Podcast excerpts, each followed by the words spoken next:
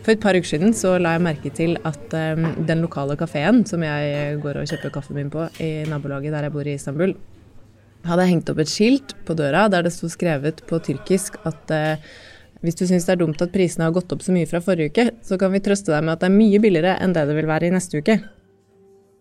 Aftenpostens Midtøsten-korrespondent Hanne Christiansen bor i Tyrkia. Et land i dyp økonomisk krise. Pengene har blitt mindre verdt, og valutaen, lira, har stupt de siste månedene. For tyrkere så blir prisene veldig mye høyere. F.eks. mat og, og, strømprisene stiger voldsomt. Samtidig som at sparepengene deres som de har stående i banken i lira, blir eh, verdt veldig mye mindre. Og nå begynner folk å få nok.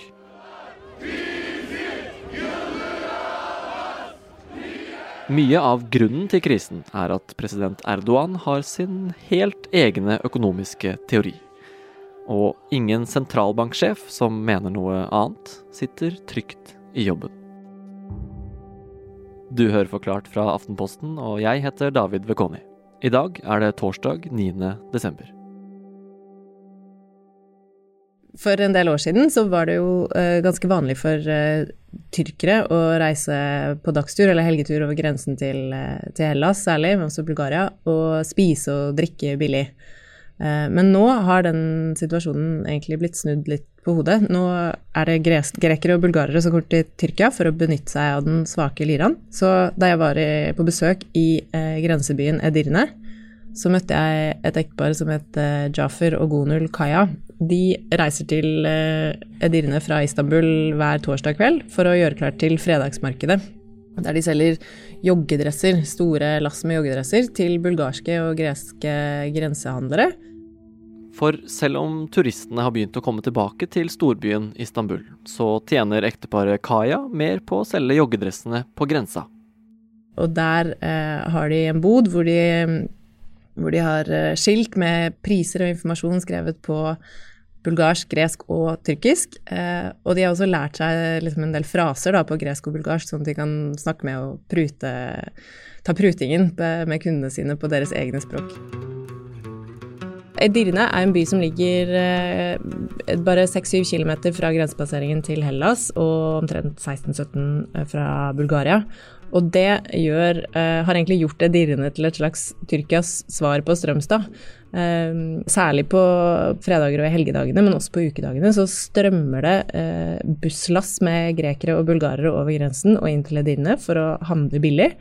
Og de siste, det siste året, de siste par årene, men særlig det siste året, så oppgir både lokale myndigheter og selgerne som vi, som vi møtte der, at den pågangen er blitt veldig, veldig mye større. For pga. den økonomiske krisen i Tyrkia har liraen falt med over 40% mot andre valutaer bare i år. Og det betyr at grekere og bulgarere får mye mer for pengene sine på den tyrkiske siden av grensa. Bak krisen i Tyrkia ligger bl.a. en økonomisk teori som president Recep Tayyip Erdogan etter hvert skal bli så å si den eneste som har troa på. Det starter i 2003. Da Erdogan kom til makten i 2003, så var den tyrkiske økonomien i dyp krise. Egentlig ganske tilsvarende det som, som skjer nå.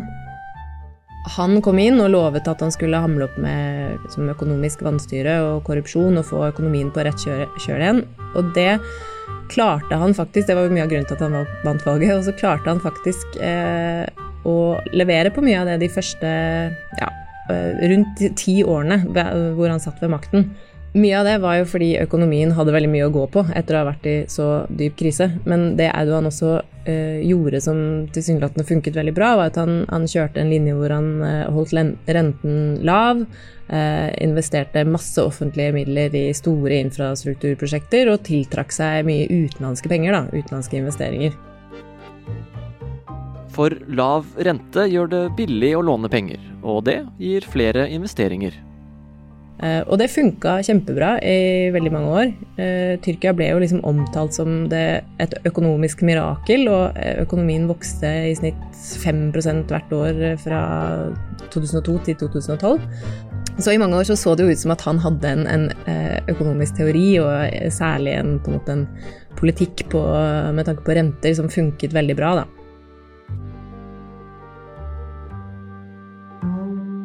Men i 2013 så begynner det å gå nedover. Det som har funka frem til da, funker ikke lenger. Og det gir Erdogan et problem. For er det én ting som kan true en leder i et autoritært regime, så er det en økonomisk krise.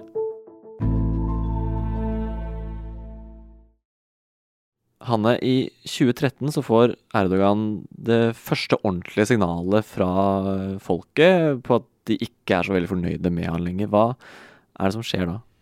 I 2013 så skjedde det eh, noe som ikke bare sjokkerte Tyrkia, men egentlig hele omverdenen. Gezi-parken er en forholdsvis liten grønn flekk som ligger rett ved siden av eh, Tyrkias liksom, Times Square, eh, Taksim-plassen i Istanbul.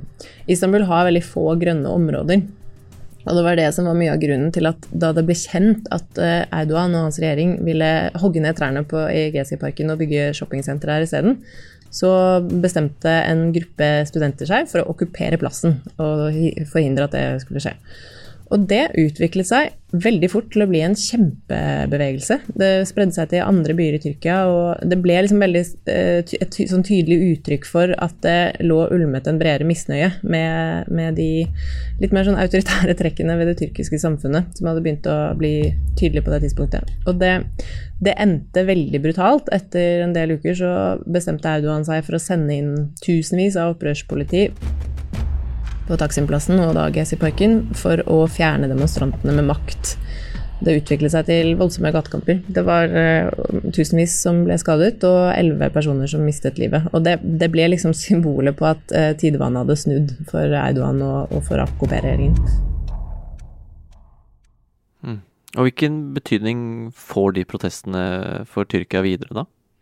Altså, GSI-protestene handlet jo ikke om økonomi, men det ble likevel en eh, tydelig vendepunkt også for den økonomiske veksten som Tyrkia hadde fått til i så stor grad i årene før. Fordi at veldig mye av den investeringen fra utlandet, eller de investeringene som kom fra utlandet, var jo bygget på ideen om at Tyrkia var liksom et, eh, et land eh, i kraftig vekst på, på, på, god vei til å bli en liberal og åpen økonomi. Sånn at når det viste seg at Erdogan var, var villig til å slå så hardt ned på, på demonstrantene som det han gjorde, så, så, svekket det veldig tiltroen til den tyrkiske økonomien.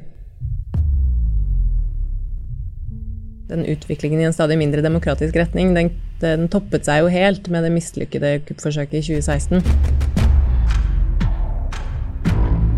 For sommeren 2016 ruller det tanks inn i storbyene Ankara og Istanbul. Det flyr jagerfly over Gezi-parken og Taksim-plassen, og Erdogan sier det er et forsøk på et militærkupp. Han ber folket løpe ut og stoppe de militære. Og mange gjør som han sier. Kuppforsøket blir stoppet. Men det får store konsekvenser likevel. Nesten 300 mennesker dør, og Erdogan bruker kuppforsøket til å skaffe seg mer makt.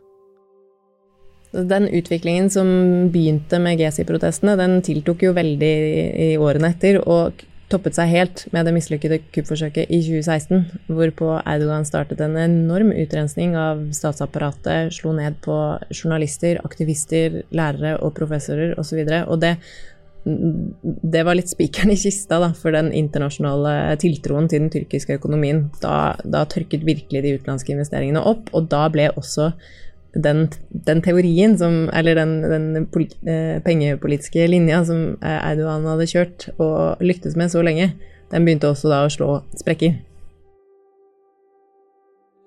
Ja, og, og hva var den eh, teorien? Erdogans økonomiske teori handler i stor grad om å holde renten lav. Tanken hans er at hvis du, uh, hvis du, fortsetter å holde den lav, så vil du kunne tiltrekke deg utenlandske penger, utenlandske investeringer, og på den måten kan eh, økonomien vokse i et tempo som vil overgå prisstigningen. Men det er ikke alle verdens økonomer nødvendigvis enige med han i? Nei, altså etablert økonomisk eh, teori sier jo at eh, når, når, inflasjonen stiger så mye som det den gjør i Tyrkia nå, så er det bare én ting man må gjøre, og det er å sette opp renten for å få bukt med prisstigningen. Eh, det er mange kostnader ved å sette opp renten, men det anses som det viktigste og mest effektive verktøyet for å få, få kontroll på, på prisstigning. Ja, men Erdogan sin plan er altså å ikke sette opp renta fordi han vil ha utenlandske penger inn. Eh, det funket så lenge eh, utenlandske investorer hadde lyst til å plassere pengene sine i Tyrkia. Men etter GSI-prosessene så, så, ble appetitten for det stadig mindre. Og særlig etter kuppforsøket, eh, det mislykkede kuppforsøket i 2016 og Erdogans respons på det, så mistet internasjonale investorer tiltroen til den tyrkiske økonomien helt. Så den teorien funket så lenge uh, utlandet var med på, med på Erdogans spilleregler, men uh, da han skiftet uh, politisk kurs, så falt også de utenlandske investeringene fall, fort bort, da. Men likevel så gir ikke Erdogan seg med denne teorien som han, han, han holder på den, som har funka i ti år. Ja, altså, Erdogan er jo ingen økonom. Han, eh, han, kommer fra en fattig bydel i Istanbul. Han har ikke noen formell utdannelse. Han, eh, han gikk på en såkalt eh, Imam Hatip-skole, altså en tradisjonell islamsk skole. Og han har bydd veldig mye av populariteten sin på å appellere til konservative, religiøse velgere. Og, og, den troen hans den har også blitt brukt som en slags forklaring eller tolkning på hvorfor han f.eks. er så opptatt av å holde styringsrenten lav. I islam så er det jo eh, forbudt å ta eh, renter. Tanken er at man ikke skal tjene seg rik på andres bekostning. Eh, og det har Audun brukt som et forsvar da, som sagt, for, å holde, for, å, eh, for å kjøre med politikk hvor, hvor, renten skal være lav. Eh, så er det jo eh, stadig flere som kanskje setter spørsmålstegn ved Eller som, som, er skeptiske til at dette bare handler om religion. At det handler vel så mye om politiske interesser. Det er ikke veldig populært blant velgerne å sette opp styringsrenten, for da får folk høyere lånekostnader. Og det kan også ramme eksportbedrifter og dempe interessen fra utenlandske investorer. Og hvilke konsekvenser får det at Erdogan tviholder på sin egen eh, økonomiske politikk? Nei, da begynner jo egentlig denne nedadgående spiralen som Tyrkia befinner seg midt i nå. Ikke sant? Liran eh, begynner for alvor å, å stupe. Eh, investeringene fra utlandet fortsatt, fortsetter å tørke inn. Men Erdogan insisterer på altså Han blir liksom stadig mer aggressiv i, i retorikken og, og, og, begynner å snakke om at den tyrkiske økonomien er offer for et utenlandsk komplott og en del sånne eh, ikke helt sammenhengende resonnementer. Eh, og det gjør jo bare at, eh, at eh, det strammer seg enda mer til prisene stiger, for, og, og, det blir dyrere for, eh, for tyrkere å leve. Og, og sparepengene deres begynner for alvor å tape verdi. I 2018 så førte det til en alvorlig valutakrise, men det har ikke hindret Erdogan i å fortsette å klamre seg til denne ideen om at eh, den eneste måten ut av krisa på, er å fortsette å sette ned renten. Erdogan er så overbevist om sin egen politikk at han sparker sentralbanksjefen i juli 2019. Og så sparker han den neste sentralbanksjefen i mars i år. Og så sparker han enda en sentralbanksjef i november i år. Sentralbanken skal jo være politisk uavhengig. Men det er det ganske få som fortsatt eh, tror at den tyrkiske sentralbanken er. Felles for alle disse avskjedigelsene i den uh, tyrkiske sentralbanken er jo at de, de, det gjelder, skal ha gitt uttrykk for at de kanskje syns det kunne være lurt å sette renten opp og ikke ned. Uh, og da har det ikke gått så lang tid før, uh, før de har måttet Ja, før Eidogan har erstattet dem med, med folk som er mer lojale til hans teori igjen. Hvordan ser det ut nå, da, for tyrkere fremover? Akkurat nå ser det stadig verre ut. Uh, I forrige uke så nådde liraen sitt bunnpunkt mot dollaren. Den kostet, uh, altså Én dollar kostet over 14 lira. Det er ganske sjokkerende når man tenker på at den lå stabilt rundt 7-8 lira for bare noen få måneder siden. Uh, inflasjonen er på rundt 20 uh, Det var faktisk uh, altså Nylig så trendet en emneknagg på Twitter hvor det sto ECMEC4. ECMEC betyr brød, og, og 4 er liksom beløpet som tyrkerne frykter at brødet vil koste hvis det fortsetter i denne retningen. Fire lira. Når, det høres kanskje ikke så mye ut, men når brødet vanligvis har kostet liksom rundt to, så sier det litt om hvor mye prisene stiger, særlig for folk som kanskje allerede slet med å få endene til å møte møtes. Men uh, dette her er jo noe som du nevnte at Erdogan kanskje har gjort også for å holde på populariteten, samtidig som folket nå blir mer og mer misfornøyde med jobben han uh, gjør. Hva, hva, er det som kan skje fremover da? Det blir veldig spennende å følge med på. Akkurat nå så er det få signaler til at han har planer om å snu.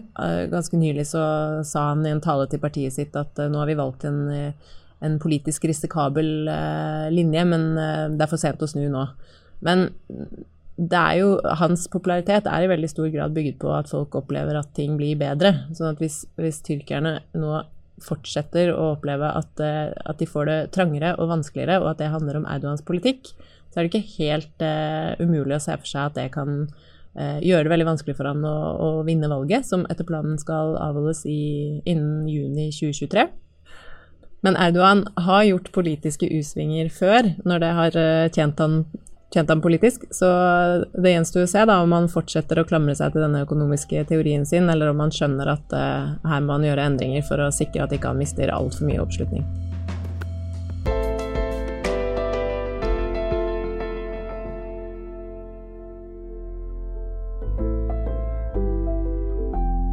Det var Hanne Christiansen i Istanbul som forklarte den økonomiske krisen i Tyrkia. Episoden du nettopp hørte, ble laget av produsent Anne Lindholm og meg, David Vekoni. Resten av Forklart-redaksjonen er Marte Spurkland, Synne Søhol, Fride Næss Nonstad, Thea Wold Lyster og Anders Weberg. Du har hørt lyd fra Hannes egne opptak og nyhetsbyrået Associated Press.